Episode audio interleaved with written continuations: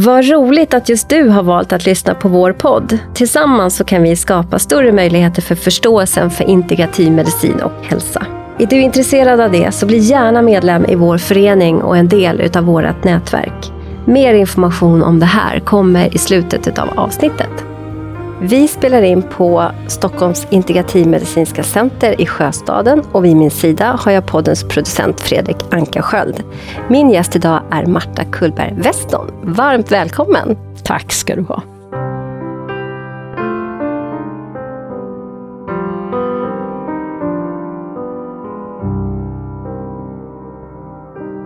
Marta, du är legitimerad psykolog redan 1971. Du blev filist. Visst hette det så? Ja. Mm. Och ditt arbete eh, då du blev filist handlar om tonåringars normer och normbryt, normkonflikter. Vad är det?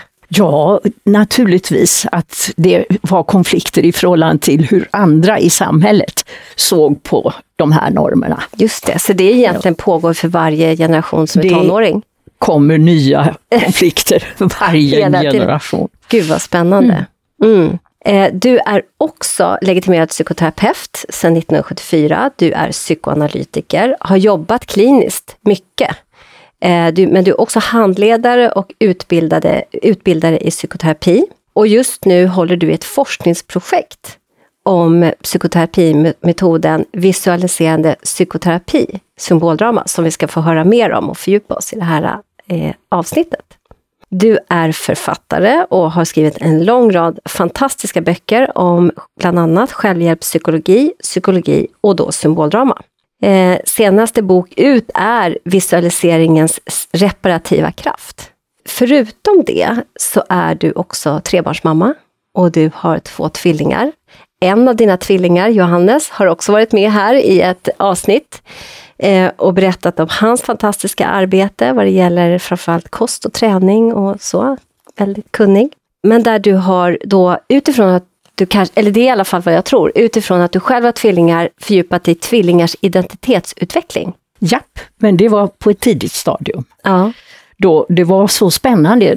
Eh, de är enäggstvillingar. Ja. Så att det blev naturligt att fundera kring det här. Hur kan man stötta dem i att utveckla sin egen identitet? Mm. Och inte bara bli den ena och den andra i ett par. Jag känner inte Johannes bror, jag känner inte Johannes så väl heller, vi är bekanta, men det känns som att, du lyckades, att ni lyckades väldigt bra. Ja, jag tror det. Vi mm. hade naturligtvis regeln att det hette aldrig tvillingarna, utan det var namnen som gällde. Och sen hjälpte vi personalen på dagis och så vidare genom att ha mössor där namnet stod och så vidare. Så att de alltid skulle säga rätt, för de var väldigt lika. Och du har ju dina barn med den kända psykiatriken, måste man säga, Johan Kullberg, mm. som är avliden idag, men som har mm. gjort väldigt mycket för psykiatri och psykoterapi i Sverige. Ja. Verkligen. Och sen efter honom och ert äktenskap har du haft möjligheten att träffa stora kärlekar också. Oh. Eller hur? Ja då. Ja, jag var gift i 22 eh, år med mm. en amerikan också. Ja, hade... Och bodde i 10 år heltid i USA. Och arbetade ja, som ja. psykoterapeut i USA? Ja. Mm. Och det var en pers att få legitimation för att de har väldigt stränga regler där. Mm. Men det lyckades. Var det stor skillnad på att jobba som psykoterapeut i USA och i Sverige? Jag tycker inte det. Beroende på, jag jobbar ju på mitt sätt. Men um, man var tvungen att ha ett väldigt nära samarbete med försäkringsbolag där. Eftersom det var på den vägen som det finansierades. Just det. Vi kanske går ditåt här i Sverige också? Det är möjligt. Mm. Mm. Så mer om det lite senare. Men du är då väldigt engagerad i Föreningen för visualiserande psykoterapi, symboldrama. Symboldrama är ju då en visuell psykoterapimetod och eh, du har ju enormt stor kunskap och har varit en stor bidragande, eller pusselbit till att symboldrama allt mer brer ut sig eh, hos psykoterapeuter som får lära sig den här metoden genom föreningens arbete. Bland annat jag själv har gjort det och jobbar jättemycket med symboldrama. Och Fredrik som sitter här bredvid, vår poddproducent, har också fått pröva och göra symboldrama. Och jag själv har gått också i terapi. Det är en fantastisk metod som vi ska prata mer om. Men först, du Marta är en av de absolut varmaste, klokaste, intelligentaste människa som jag faktiskt har mött. Jag träffade dig första gången när jag gick min steg 1-utbildning. Och du kom och föreläste just om symboldrama. Jaha, ja. visste jag inte. Jo, och då gjorde du eh, Blomman. Mm. Och då när jag satt där och vi fick göra den, du gjorde ju den med hela klassen där, fick vi göra Blomman. Och då var jag i en period i livet, eh, en, en kris kan man säga, som eh, pågick. Och, när, och jag hittade min blomma hängande i luften. Ingen av oss fick ju berätta egentligen om den, det som hände på inre bana. Men du beskrev då att vissa saker kan vara symboliskt, eh, kan man liksom, mm, ja, jag vet inte vad du använder för ord, men var vara typiska för vissa tillstånd kan man säga, eller det som pågick. Mm. Och då tog du upp just det här, det här och det här kan betyda om man hittar sin blomma hängande i luften, man har blivit avskuren från sina rötter, så kan det betyda livskris. Och det var sådär spot on. Så jag vet att jag gick fram till dig sen efteråt, jag köpte alla böcker som du hade, jag läste dem allihopa och jag anmälde mig då till utbildningen för, till att bli symboldramaterapeut, som vi också ska berätta lite mer om för den som är intresserad. Mm. Det är en fantastisk och utbildning. Blomman är ju så fantastisk som en inkörsport till metoden. Och varför jag inte ville att man skulle berätta om det inför hela gruppen är ju att man lämnar ut ganska mycket information om sig själv. Just det. För bilden, den här blomman, den ger väldigt mycket information om självbild och den situation man befinner sig i. Just det. Kan vi berätta lite för den som lyssnar, vad, hur, hur går det till? Ja, det, varje klient som kommer till mig, för jag fortsätter alltså att jobba kliniskt med terapier, för jag tycker att det är så spännande. Så att varje klient som kommer, så första timman när jag förklarar metoden och så vidare, så börjar jag alltid med att de får luta sig bakåt en sekund och bara sluta ögonen och föreställa sig en blomma. Och sen berättar de för mig hur den där blomman ser ut, var den befinner sig, vad det är för väder och så vidare. Och så undersöker vi den tillsammans. Och sen när man har gjort den korta visualiseringen så är det möjligt att börja tillsammans titta på den här bilden. Vad säger den om dig? Säger man då till den här personen som sitter framför en och som första gången har testat det här. Och i allmänhet blir de väldigt förvånade och förtjusta över att det speglar så mycket av deras person mm. i den här blomman. Mm. Sant. Mm. Det är verkligen på det sättet. Jag har ju också eh, jobbat med det länge och det, det går liksom, slår aldrig fel utan det går liksom rakt in och människan kan känna sig väldigt sedd. Mm. Mm. Ja. Och man är mycket på spåren. Så där senare in i terapin så vis, tycker jag i alla fall att det är ofta så att blomman visar ju på den faktiska problematiken direkt. Definitivt. Ja. Och sen gör jag ju så att redan första gången efter det här orienterande samtalet så får personen lägga sig på en divan och jag gör en ordentlig avslappning. Och sen säger jag, föreställ dig nu att du är, och då brukar jag börja med en, en situation som är positiv. Att du är, om jag har hört att farmor var en snäll och trevlig person, så säger jag, föreställ dig nu att du är hemma hos farmor, i köket hos farmor, och berätta, vad är det som händer? Så att man får börja med att föreställa sig någonting som känns bekvämt och nära. Och sen en, går man vidare och föreställer sig svåra situationer från barndomen ofta. Och det fantastiska är att då kan man alltså skicka in stödpersoner. Och man kan skicka in verkligen räddare i nöden som förändrar hela den här situationen. Och det märkliga är att det leder då till att även den här känslomässiga laddningen i den här inre scenen förändras. Så det som kanske var ett jobbigt minne behöver inte vara det längre. Nej, så är det. Du kallar ju det för rescription, Ja. eller hur? Ja. Ja. Vad kan man säga om rescription? Ja, rescripting brukar jag nog Rescripting, kalla det. mm. Det är just att man gör om en situation som är smärtsam och där man känner sig maktlös kanske, hjälplös, utlämnad, man kanske är utsatt för övergrepp och så vidare. Man eh, ser till så att de här räddarna kommer in och ändrar på hela den situationen. Räddar den här lilla personen, som det ofta är, ur den här smärtsamma situationen och för personen i säkerhet. Där vederbörande kan känna sig helt trygg och lugn. Tillbaka till farmors kök till exempel. Mm, just det. Och det är, det är så märkligt med hur sådana här stödjande personer kan fungera. Jag, jag hade en nej, åtta timmars terapi med en man som hade haft en fruktansvärd uppväxt där båda föräldrarna var narkomaner och eh, missbrukare. Och eh, eh, där kunde jag också skicka in stöd i form av Hulken. För att det var tvunget att det var en person som hade väldig kraft. Och det blev så viktigt för den här mannen att Hulken fanns med, för då kunde han slappna av. Så att Hulken var med i varenda inre scen och skyddade honom. Och då kunde han utforska saker och ting. Mm. Och det jag tycker är så fantastiskt med den här metoden, det är att det är så mycket som i den visualisera, det visualiserade hållandet, så får vi in alltså, ögonblickets psykologi. Man kommer rakt in i ett ögonblick. Yes, Anknytningsreparativ, anknytningens reparativa kraft. definitivt. Vi är- med som vi, vad kallade, det finns ju en, en annan psykoterapeut som jag har nämnt vid något tidigare tillfälle också, som har skrivit ett kompendium, Erika Henriksson.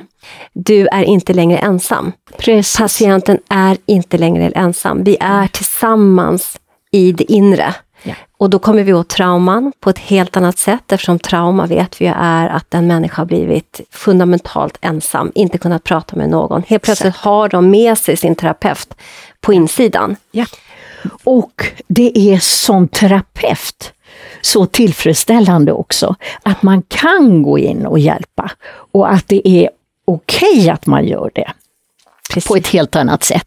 Eh, Du nämnde ju i början att jag började min bana som psykoterapeut men också som psykoanalytiker. Och det jobbade jag med under ett antal år.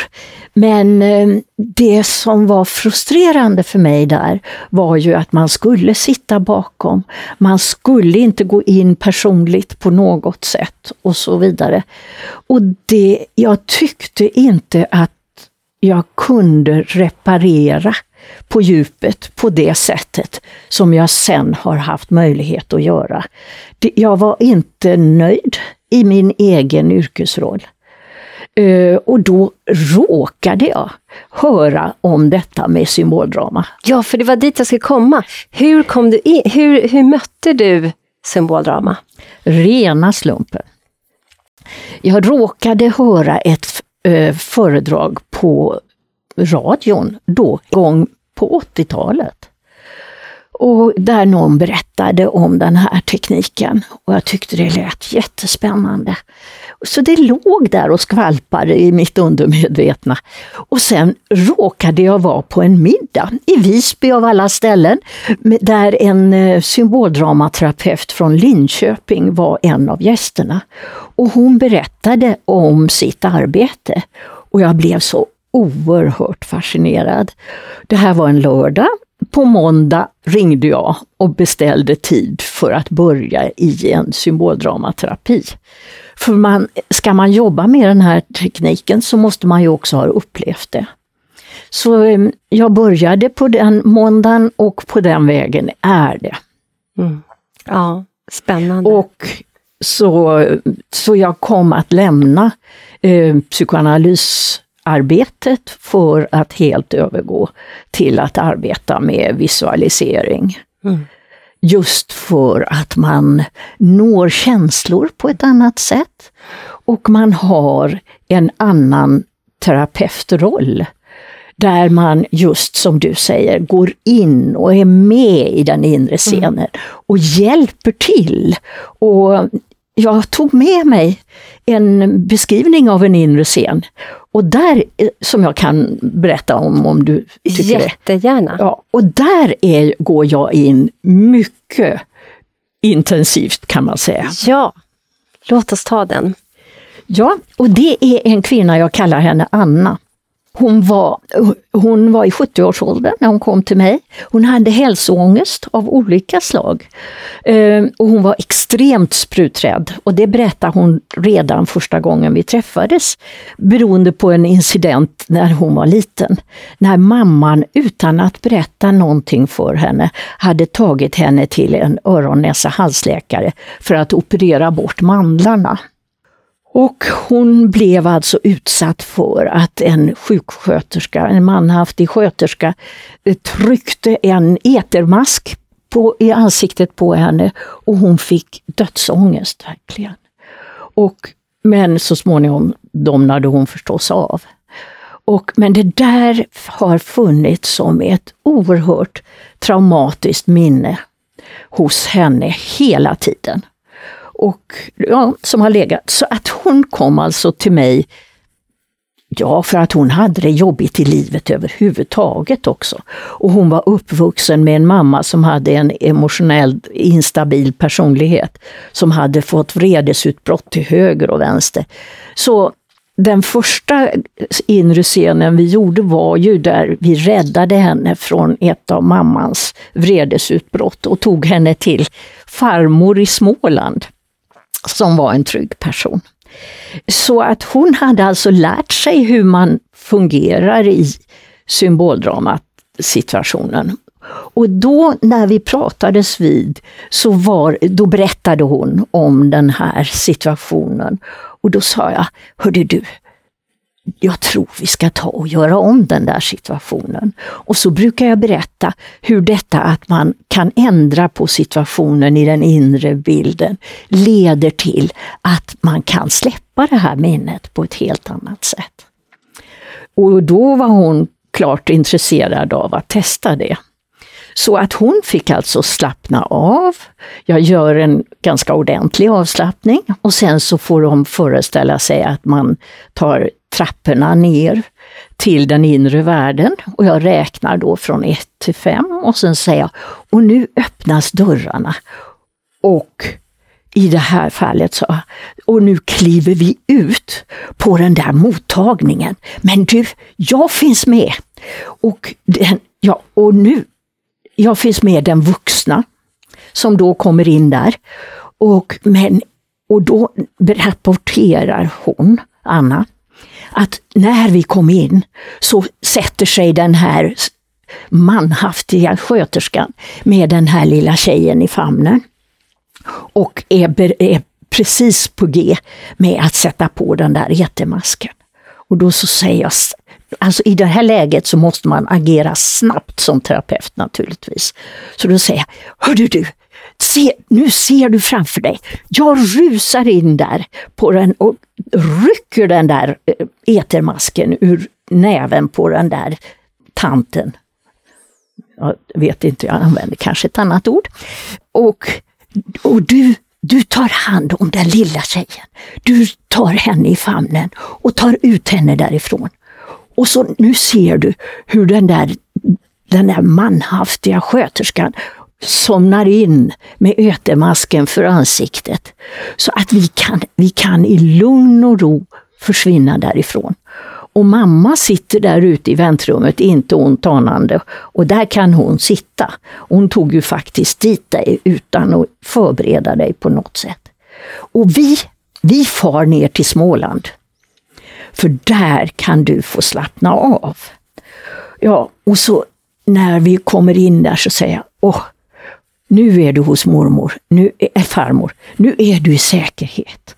Och sen frågar jag alltid, hur känns det nu? Och hur känns det i kroppen? För det är ju så att känslorna sitter ju där i så stor utsträckning. Ja, då så säger hon att jo, kroppen var i uppror först. Och du, jag säger att, att så du berättar för farmor vad som hade hänt. Och då så säger jag, säger jag också ja, och det tycker farmor är förfärligt. Men nu är du i trygghet hos farmor, så nu kanske kroppen kan lugna ner sig. Nu vet lilla Anna att hon har bundsförvanter och hon behöver aldrig mer utsättas för några elaka sköterskor med etermasker. Hon är i trygghet hos farmor. Ja, säger Anna, jag ska börja våga tro på det och på att farmor alltid finns där. Mm, kan du känna dig lite lugnare i kroppen nu, frågar jag. Och när hon svarar jakande på det så avslutar jag den inre scenen och så får hon då via de här trappstegen återvända till vardagsnivån. Och sen kommenterar hon, det var som en kramp i hela bröstet till en början. Men sen släppte det. Men tack för att du följde med mig. Det var ju faktiskt roligt när du satte masken på den där tanten. Och när Anna kommer nästa gång så pratar hon skrattande om den känsla av lättnad som hon hade känt efter den här inre scenen. Hon hade inte plågats av dödsångest och hennes väninnor undrar vad som hade hänt, för hon var på så gott humör. Ja, mm. så, och det här var alltså en inre scen och vi gjorde naturligtvis många olika sådana. Men det visar på hur genomgripande det kan kännas mm. för personen att vara med om den här upplevelsen. Mm. Och det jag ville visa var också hur man som terapeut går in och stöttar och hjälper och finns med. Så det är alltså alltid ett samarbete i den här inre scenen. Mm. Vilket också utöver det vi har sagt är någonting som de flesta behöver öva på. För ja. att olika problem eller utmaningar psykologiskt gör att det inte alltid går så lätt. Mm. Och det får man öva på i det här och det är lekfullt. Lekfullt, precis. Och, och i, jag tänker, det är också det här med vad vi får in i symboldrama utav så många olika mm. liksom, teorier som förklarar vad som är de läkande nycklarna liksom, i en, en, en, mm. en välgörande psykoterapi. Så är det ju också att leka på blodigt allvar. Mm. Alltså vi Verkligen. leker på blodigt allvar tillsammans ja. med patienten. Och det, det är förändrande. Ja, och just det här apropå rescripting, man skriver om en scen.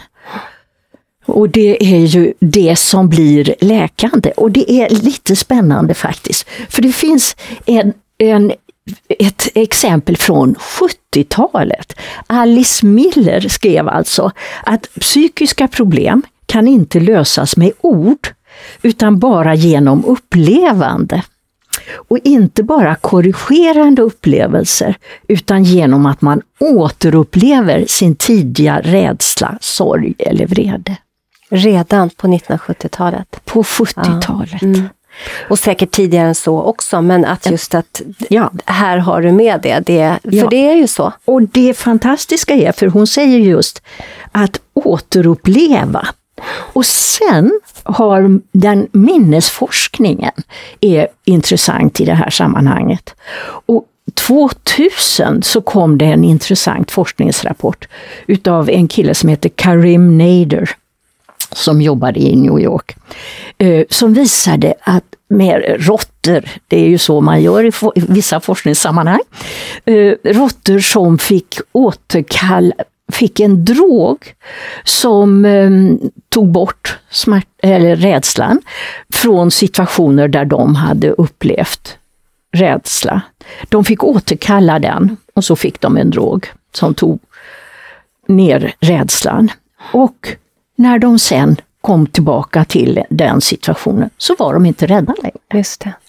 Den där just den studien har, man in, har varit vissa problem att återupprepa. Men i princip så stämmer det här att när man återkallar ett minne så blir det sårbart för förändring. Just det. Och det är ju det som vi ser i de inre scenerna. Man återgår, återkallar en traumatisk scen och då blir det möjligt att förändra den känslomässiga laddningen. För, för det är så intressant med den forskning som kommer. Jag vill säga när vi är inne på trauma att jag mm. gick min steg 2-terapi, eh, psykoterapeututbildning samtidigt som symboldramautbildningen. Mm. Och symboldrama, nu var det en familjeterapeutisk systemiskt orienterad utbildning, men min kunskap om trauma, psykologiska trauman, fick jag genom symboldrama, mm. eh, föreningens utbildning till symboldrama och den, den är ovärderlig. Mm. Väldigt eh, liksom, djuplodande, omfattande och liksom, man fick en, jag fick en kunskap som ja, mm. jag inte har sett någon annan ha faktiskt, som inte har gått den utbildningen. Sen finns, vi, finns det ju många av oss nu som har gått den, mm. med det sagt. Men eh, i ett terapeutiskt behandlingsarbete med människor som är traumatiserade så kan man liksom inte, inte använda de här teknikerna. Mm. Och eh, vi vet ju med traumaforskningen också att det går inte att prata om de här, därför att vi, blir retraumatiserade, precis som det du mm. säger. Patienten blir retraumatiserad. Jag satt senast nu på morgonen mm. med någon som direkt gick in i känslan och var där. det går nästan inte att prata för att det liksom blir så känslomässigt belastande. Att, och ska vi bara prata oss igenom det där, det, det, liksom, det går inte. Det Utan går inte. Vi måste in i det upplevande i en hållen situation där vi samtidigt stabiliserar patienten. Ja, och ändrar på situationen ja. och skickar in stöd och Just. hjälp och så vidare. Så att den, är, den är otroligt. Mm. Sen är det ju jätteintressant det här med forskningsprojektet som du håller, mm. som vi kanske kan prata lite om. För att jag, jag tänker så här att mm. eh, psykoterapimetod är en metod som inte går att generalisera. Går ju inte heller att evidensutvärdera. Apropå det här med att replikera forskning. Därför att det, och, och när vi jobbar med människor, i, i, särskilt i traumatiserade människor, vi har ju väldigt många. Sen är det en glidande skala liksom, med väldigt, allvarliga och kanske inte, men där nervsystemet har blivit överbelastat på något sätt, är ju högst unika. Så hur gör, gör ni med forskning? Berätta om forskningsprojektet. Ja, det kan jag göra. Och just som du säger, det är väldigt svårt att göra vanlig evidensforskning. Man kan inte uh, ja, ha kontrollgrupper och så vidare. Det är väldigt svårt att åstadkomma det. Men vi har använt oss av en ny metod som är väldigt eh, givande och intressant som heter Single Case Experimental Research. Innan vi går vidare med resten av avsnittet så finns det en viktig sak som vi glömde att ta upp tidigare. Så vi kommer att lägga till en kort kommentar här som ett tillägg till det Marta och Lena precis pratade om. I Single Case Experimental Design gör varje patient en baseline-skattning av sitt välbefinnande innan terapin påbörjas. Detta innebär att patienten fungerar som sin egen kontroll. Nu fortsätter avsnittet. Och där är det så att man följer en person genom alla terapitimmar. Ja, och sen när vi har, vi har tittat på korttidsterapier den här gången. När, och det har varit mellan 6 och 22 samtal. När terapin sen är avslutad så gör man ett uppehåll och efter tre månader så skickade vi ut samma skattningsskalor till personerna och bad dem att vid tre olika tillfällen skatta var låg de då. Så fick man alltså en follow-up. Var låg de konstant sådär bra som de gjorde vid avslutningen eller inte? Och det gjorde de i princip. Mm. Och det, vi kunde se signifikanta förändringar. Vi hade 15 patienter som ingick i den här studien. Eh, och 13 eh, av 15 hade signifikant förändringar. Det är hög procent. Det är mycket hög procent. Ah. Mm. Så hur långt har vi, eller när började studien?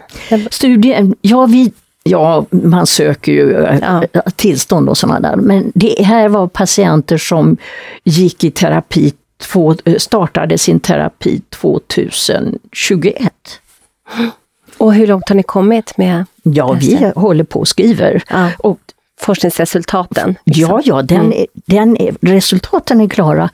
Och vi håller nu på med det här snickrande jobbet att få till en artikel i en internationell forskningstidskrift. Vi tänkte försöka få in det i Psychotherapy Research. Och de där tidskrifterna är petiga alltså, så att det håller vi på med. Det finns en färdig text. Men Wow. eh, vi håller på och petar i den där. Mm, Okej. Varmt lycka till. Det behövs. Det behövs, För- för, vi vill verkligen att få en evidens för den här metoden. Vi vet att den är effektiv och fungerar, men vi måste ju visa det också. Ja, och då kan vi ju säga att det, den här psykoterapimetoden är ju inte ny på något sätt. Nej. Hur gammal är den? Ja, det, den började nere i Tyskland med en professor Hans Karl Leuner som 1955 skrev den första artikeln om det här. Och sen så kom det olika böcker och så vidare. Så, men på den, det var ju en psykodynamisk eh, referensram och på den tiden så forskade man inte så mycket inom den, det gebitet. Men däremot så finns det, det finns en tysk studie från 2002 tror jag och en från 2012 eh, där man har tittat på den här metoden som då i Tyskland heter KIP. Och där har man goda resultat, eller bra resultat vad gäller ångest och depression och så vidare. Men väldigt belastade patientgrupper. Och tyvärr har det där med kontrollgrupp där varit lite av ett problem. Sen har vi en svensk studie från 2010 tror jag, eh, utav tonåringar med trauma. Där man har tittat på 15 tonåringar och har fått eh, signifikanta eh, förbättringar vad gäller traumabelastning. Och ja, ehm, men där fanns ingen kontrollgrupp. Nej. Mm. Och det är ju det fina med vår metod nu, Ja. Mm. att man får det inbyggt genom att man har baseline-skattningar. Ja, ja det, är, det är fantastiskt. Forskning är ju verkligen, det är roligt, det är viktigt och det går ju framåt Ja. hela tiden. Sen gäller det ju att implementera det. Sen är det petigt. det är petigt som sjutton. Och det ska skrivas på ett visst sätt och Ja. det ska vara referenser och det ska vara, vilket såklart ska vara. Och vi vill ju verkligen visa på det här, vi alla som jobbar Ja. med den här metoden skulle ju vilja att den kom fler till nytta. Det är ju därför som också det här forskningsprojektet görs förstås. Precis. Eh, för idag, det finns ju symboldramaterapeuter ute i vanliga landstingsvården. Ja. Sen är frågan om hur mycket de får Väldigt. använda sig av den Ja. under riktlinjer och annat. Och ganska få eftersom landstinget prioriterar KBT. Ja, exakt. Så de, de flesta får söka sig till privatvård. Mm. Och där finns det ju allt fler, för det utbildas ju hela tiden. Och, och utbildningen hur, från föreningens sida, hur, hur ser den ut? Om det är någon nu som lyssnar som är intresserad av att det här måste jag Ja. fördjupa mig i. Ja. Hur gör man och hur, hur går det till? Hur ser den ut idag? Ja, man måste ha en steg 1 eller en steg 2 utbildning psykoterapi. Det här är en vidareutbildning för psykoterapeuter. Och sen har vi fem olika enblock eh, i utbildningen som ligger under cirka två, två och ett halvt år. Och eh, där man eh, lär sig grunderna i den klassiska symboldramat. Man lär sig arbeta med psykosomatik. Man har speciell enhet som sysslar med arbete med det inre barnet och rescripting till exempel. Man har ett avsnitt som är fokuserat på eh, depression och dissociation i det, kommer in där. Och sen så har vi ett sista eh, block som sysslar med eh, trauma just. och traumabearbetning. Psykologiska trauma, precis. Mm. Men det här är en utbildning som man kan gå parallellt med att man arbetar och sköter sitt arbete. Eh, men för det här, den ligger över fem förlängda weekends mm. då. Och under sen, två år idag, ja, eller är det tre år? Två. Ja, när två, jag gick så två. var det tre år, men eh, ja. nu är det två år. Mm. Ja. Och eh, man um, får också under tiden, man ska också ha gått i en egen symboldramaterapi förstås. Och dessutom så har man handledning på tre eller fyra ärenden. Mm. Åtminstone en långtidsterapi och sen ett antal kortare terapier. Just det. Så att, för att det här är en teknik som man måste lära sig från grunden. Mm. Det, det mm, går inte att bara läsa sig till det. Det går inte att hålla sig bakom en manual. Nej. Även om det är ju förstås ramar och hur vi förhåller oss och vi jobbar och förståelse. Mm. Men det är ju också ganska omfattande studier som man har hemma via böcker och instuderingsuppgifter och sånt där. Så det är ju en gedigen utbildning. Ja, det är det. det är det.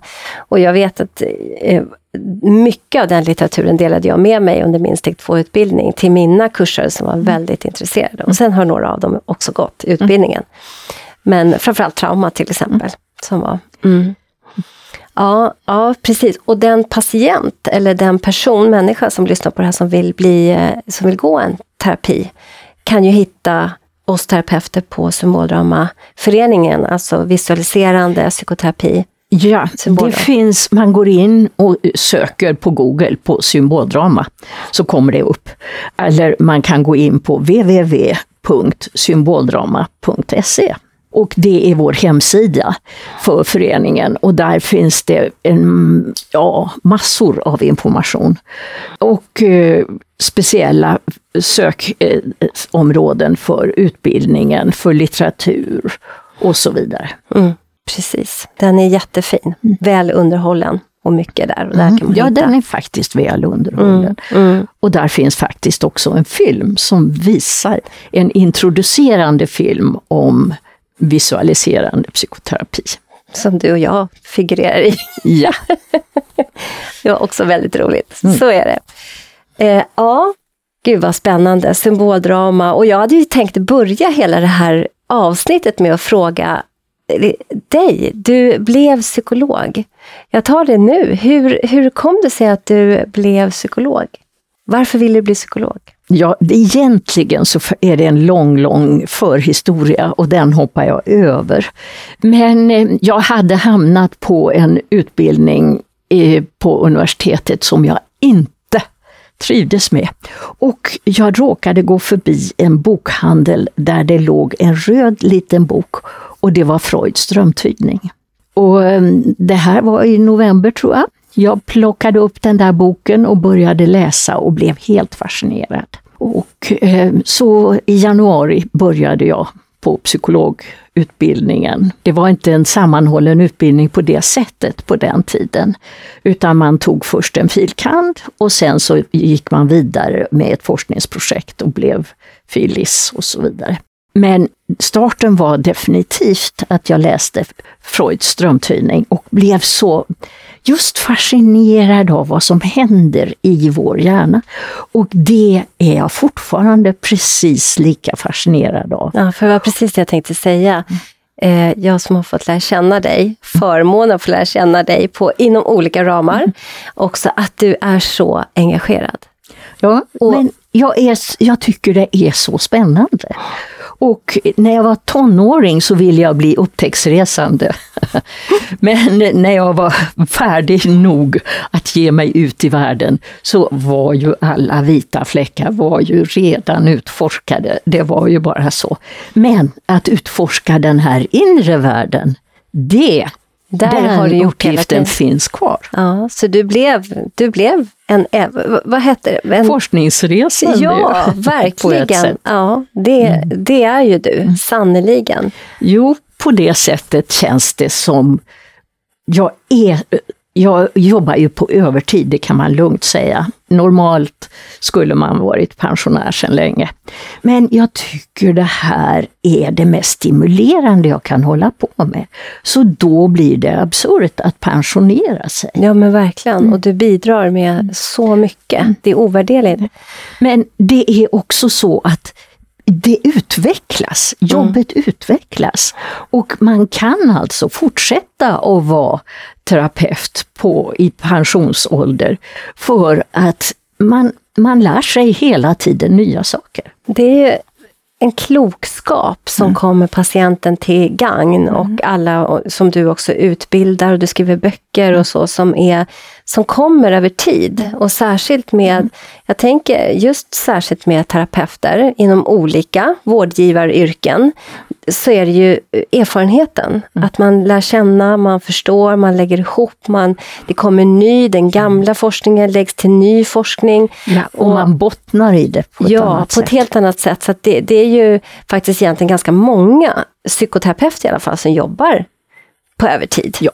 Och, så, och det är bara positivt. Och dessutom så jobbade jag ju som sagt i USA. Mm. Och där är det ju vanligt att man fortsätter upp i åren. Mm. Det är inte konstigt. Nej, och det känns som att det här eh, blev ditt liv. Du har liksom flätat ihop det med familj och med vänner och med bara det att du liksom när du får dina tvillingar. Ja, men att du också studerar dem som tvillingar. Alltså tvillingar det, det, är liksom, det, det är så kongruent, det är, du har det med dig, det är ditt liv. Mm. Jag har nog grävt där jag står. Ja. Verkligen. Och när jag då fick tvillingar så klart, då blev jag fascinerad av det och undersökte det lite närmare och ja. så vidare. Ja, mm. ja och, och, just att du har så mycket värme och hjärta med. För det vet ju jag att du har i alla, alla dina ramar också. Det är ju också påfyllande, tänker jag. Att eh, du inte så här, du går till jobbet och så är du psykolog och psykoterapeut mellan 8 och 5 och så går du hem och så är det någonting helt annat. Utan det är ju 24-7, alltså det är ju alltid. Ja, och på det sättet kan man väl säga att det är lite speciellt. Jag har min mottagning i nedre planet av mitt radhus. Så det är, min mottagning är integrerad i mitt liv på det ja. sättet. Apropå ögonblickets psykologi. Mm. För det är ju verkligen så. Mm. Hela så vägen. jag brukar säga också att när jag går ner för trappan ifrån mellanplanet, där kök och vardagsrum och sånt där, så går jag ner och tänker, undrar vad som ska hända idag. Varje ny scen är spännande och ny och man kan aldrig veta vad som ska hända. Nej. Och det gör att man tröttnar aldrig. Nej, det är verkligen sant. Så känner jag också. Jag tröttnar aldrig. Mm på mitt jobb. Och jag älskar verkligen mitt jobb, precis ja. som du gör. Att ja. det, och det är också att komma in i de här metoderna som är så livgivande. Ja. Och också att det faktiskt är så uppenbart hjälpande för patienten. Eh, Ja, och då vill jag gå tillbaka till en sak som jag inte Gärna. riktigt tyckte på att mm. vi kom in ordentligt på. Och det är det här med att visu via visualiseringen så kommer man åt känslor på ett annat sätt. För det är ju och det är, där finns det också en, en engelsk psykoterapeut som heter Sue Gerhard. Hon sa, har sagt att i en verbal terapi så kommer, um, så kommer den, nu ska vi se om jag har den här. Jo, i verbal terapi gör sig vänster hjärnhalva till tolk för verbalt lagrade minnen, men höger hjärnhalvas information kommer inte till tals. Just det. Och det är det som är problemet med pratterapier, som jag ibland kallar det. Man kan prata till health freeze is over. Men däremot när man kommer in i de här inre scenerna, då kommer automatiskt känslor upp. Och på det sättet är det möjligt att alltså börja förändra saker och ting. Mm. Mm. Precis, det är ju där som förändringen sker. Ja. Och, eh, och också frusna känslor som patienterna kommer ibland. Det är bara där, vi kan inte ja. prata oss till frusna känslor. Nej. Vi måste uppleva det. Ja, och där finns det en person som heter Daniel Siegel eh, som har skrivit mycket om implicit implicita minnen som man säger. Och att eh, mycket utav våra allra tidigaste minnen, de har inte lagrats i hippocampus där vi har våra minnen från händelser och saker. Vårt, eh, ja, där vi minns det temporärt, vad saker och ting har hänt. Men de här implicita minnena, de har vi aldrig satt ord på. Och de går inte att få upp i en pratterapi.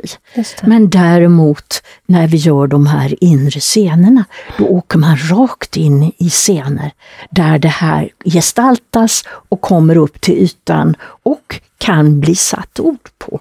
Precis. Det vill säga bearbetningen. Ja. Då är det, eh, det är, man, på något sätt det är en dubbelexponering, apropå en evidensutvärderad metod som för trauma som EMDR, det man kallar för dubbelexponering, att man tror att det kan vara en av de läkande effekterna i EMDR. Det är samma i symboldrama. Vi har en dubbelexponering, vi är på in, inre bana, i den yttre banan tillsammans med terapeuten i en avslappnad, säker situation, hållen och samtidigt stabiliserande fast vi går in i en traumabearbetning. Talar om vidden och bredden för den här metoden. Mm. Och dessutom, apropå då eh, också forskning kring olika, så finns det en KBT-metod som heter Imagery Rescripting, där man just gör inre, eh, förändring av inre scener. Men på man har inte det där djupet som vi har i symboldrama, där man har eh, hela den symboliska bakgrunden och vanan vid att arbeta med inre scener. Det. Så det blir lite mera, ja, förlåt om jag säger så, lite mera fyrkantigt, men man gör just en omskrivning av inre scener och har visat då i forskning att det har effekt för just personer med trauma av olika slag. Är det det som också kallas schematerapi? Nej. Nej. Eh, inte i sig, men du har rätt så att imagery rescripting finns med som en del i eh, schematerapi. Ah, okay. Så det finns där. Mm. Mm. Man har plockat in det just för att det är så effektivt. Ja. Och just för att man kommer åt känslor på ett annat sätt. Precis, just det. Mm. Så att den finns också i KBT-världen. Ja, och vi det är det ju, jag försöker ja, precis. rapportera. Och det tåls ju också säga på en gång att, att eh, det här med att KBT ska vara så ensamt härskande. Att det är bara en psykoterapimetod. Mm. Må vara, väl vara jättebra på rätt mm. utgångsläge som alla psykoterapimetoder, men det är en psykoterapimetod. Och, och, och, skillnaden eh, kan man också passa på att säga mellan psykolog och psykoterapeut är att mm. psykologen, det vill säga du, jag är sjuksköterska, jag har fått gått en steg 1-utbildning där vi blir grundutbildade i psykoterapi. Medan legitimerad psykoterapeut är specialist i samtalsterapi. Mm. Och, och symboldrama är då en vidareutbildning och man behöver ha all den kunskapen som är faktiskt flera år från... Många. Ja, så man behöver ha det när, när man väl har en patient som hamnar i en situation på inre bana där övergrepp pågår, någonting väldigt, väldigt allvarligt. Och då måste man veta snabbt som 17 vad man ska göra. Apropå den här när jag rusar in på den där mottagningen och räddar den där Exakt. lilla tjejen ja. från etermasken. Ja. Precis, exakt så. Och det, det, krävs ju så mycket kunskap och erfarenhet att veta att man också behöver göra det där och också tilliten till sig Trygghet. själv att jag gör det här. Ja. Mm. Ja, Marta, jag måste fråga dig nu när, vi, när vår tid börjar rinna ut, att är det någonting som du vill eh, berätta, ta upp eh, innan vi avslutar? Något som vi inte har berört men som känns viktigt? Nej, jag tycker nog att vi har kommit in på det mesta faktiskt. Kanske bara att eh, eh, uttrycka min glädje över att jag hittade den här metoden. För att det har givit mig ett så stimulerande arbetsliv. Mm. Precis. Och där jag känner att jag kan utvecklas hela tiden. Mm. Och, och, som, och, som jag också vill säga då, som jag tycker att, och du har sagt det flera gånger i avsnittet, men att man faktiskt kan ge människan som kommer och söker för sitt lidande hjälp på en gång. Yes, mycket snabbt. Och jag börjar redan första timman när personen mm. kommer på kontoret att börja som sagt med blomman och sen går jag vidare redan nästa gång med en ny inre scen och sen är processen på gång. Ja, och då vill jag ta upp någonting som jag kom på. För någonting som du har varit med och utvecklat är ju det inre barnarbetet ja. i symboldrama. Det är ju faktiskt du mamma till. Jo. Kan inte du berätta lite om det? Ja, fast det finns med i... Ja, hur ska jag berätta om det? Um, ja, det började med en sån här vanlig symboldrama, eh, terapi förstås, eh, med en person som hade kommit för depression. I själva verket visade det sig att hon hade en djupt negativ självbild. Och jag slet med den här att försöka förändra den här negativa självbilden på olika sätt. Och med olika symboliska scener som vi huvudsakligen använde på den tiden. Men jag, i min frustration över att inte komma vidare, inte komma djupare, så, funder, så kände jag också jag måste hitta någonstans där hon har känt sig sedd. Och då kom jag på att jag, hon hade haft en, den, den här lilla tjejen hade haft en mormor som såg henne. Hennes egen mamma mm, var inte mogen riktigt för att ha barn. Och mm, den här lilla tjejen kände sig som någonting som katten hade släpat in. Och mamman var upptagen av annat, satt i telefon och rökte och pratade med vänner och den där lilla tjejen hade ingen som såg henne. Och hon reste bort och lämnade den här lilla tjejen hos mormor i flera månader. Men mormor hade sett den här lilla tjejen. Så då började jag göra olika scener där hon fick vara hos mormor och baka pepparkakor. Och de, gjorde, och de var vid sjön och badade och där hon kände sig faktiskt sedd och älskad. Eh, och det, det, här var en terapi som jag hade eh, i början av 90-talet. Precis innan, 94 på våren flyttade jag till USA. Eh, och vi hade haft begränsad tid. Eh, det var två månader kvar, sen skulle jag åka. Och jag kände att oj, oj, oj, hur står det till? Kan den här lilla, är den här lilla tjejen beredd att börja tycka om sig själv? För det var ju nödvändigt. Så jag sa då, den, första gången efter jul, så säger jag, gå omkring, ser du hur mormor går omkring med den här lilla tjejen i famnen. Och mormor tycker att det här är världens finaste unge. Och hon tittar på den här lilla eh, du med varma kärleksfulla ögon. Kan inte du titta på henne och se om du inte kan tycka att det där är en fin liten unge? Nej, det ville hon inte. Och det trodde hon inte. Och jag, jag fick hjärtat i halsgropen förstås, för jag tänkte, herregud, vi har inte mycket tid kvar. Vad ska vi göra? Och, men ibland måste man vara lite enveten som det heter nere i Västergötland där jag kommer ifrån. Så jag sa, men hör du, alltså mormor tycker ju faktiskt att det inte är något fel på den där lilla ungen. Och du behöver ju inte göra någonting, du kan ju bara titta på henne. Mm. Då gjorde hon det i alla fall i den där inre scenen. Och där ramlade poletten ner. Men det är ju inget fel på den ungen. Nej, eh, sa jag. Det är faktiskt inget fel på den ungen. Enda felet var att mamma inte riktigt kunde se det. Ja, och sen så gick hon hem efter den där timman ganska omskakad. Och sen så kom hon tillbaka eh, nästa gång och sa, Hörde du, det känns som om världen har vridits 180 grader. Allting är förändrat. För nu kan jag förstå att jag kan vara värd att älska. Wow. Och det var genomgripande. Ja, och, ja, och jag kände, ja men det är ju så här man måste jobba. Man måste få det här lilla barnet att kunna tycka om sig själv. Apropå att vara engagerad och bedriva forskning. För det är det som forskning också är, färskvara. Vi måste lära oss något nytt och det uppstår ofta ur slumpen och är en alternativ tanke som behöver beforskas. Så har all forskning belagts.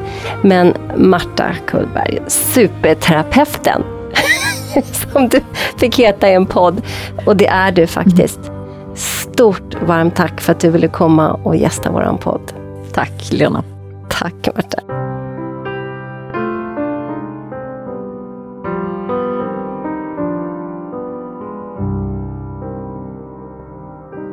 Både och istället för antingen eller, en podd om integrativ medicin och hälsa är skapad och drivs av Svensk förening för integrativ medicin och hälsa, FIM. FIM är ursprungligen yrkesförening för legitimerad vårdpersonal. Vi representerar sjuksköterskor, dietister, fysioterapeuter, läkare, psykoterapeuter, psykologer, tandläkare för att nämna några. Idag omfattas våra medlemmar även av associerade medlemmar som inte behöver vara legitimerade. Föreningens arbete vilar mot den vetenskapliga grund för integrativ medicin och hälsa som finns, såväl svensk som internationell och på systemisk förståelse av människan i sin miljö. Vår förenings arbetssätt har hittills varit att arrangera konferenser, seminarier och folkbilda genom att sprida information, exempelvis via sociala medier. Vår strävan inom integrativ medicin är att vara en organisation som vågar lyfta och ifrågasätta, motverka polariseringar genom tvärvetenskapliga dialoger och sokratiska samtalsregler. Vi vill kartlägga forskning som bedrivs, även internationellt, och hålla koll på aktuella forskningsresultat om behandlingsmetoder, både vad det gäller den etablerade vården liksom den vård som bedrivs utanför den etablerade vården. Sokratiska samtalsregler innefattas i den sokratiska samtalsformen som egentligen all grundläggande kunskap är sprungen ur, men som ibland till och med lyser med sin frånvaro i dagens public service. Så bli gärna medlem hos oss, för tillsammans kan vi förändra. Och hur du blir medlem hittar du via vår hemsida integrativ-medicin.se. Vi ses och hörs i nästa avsnitt.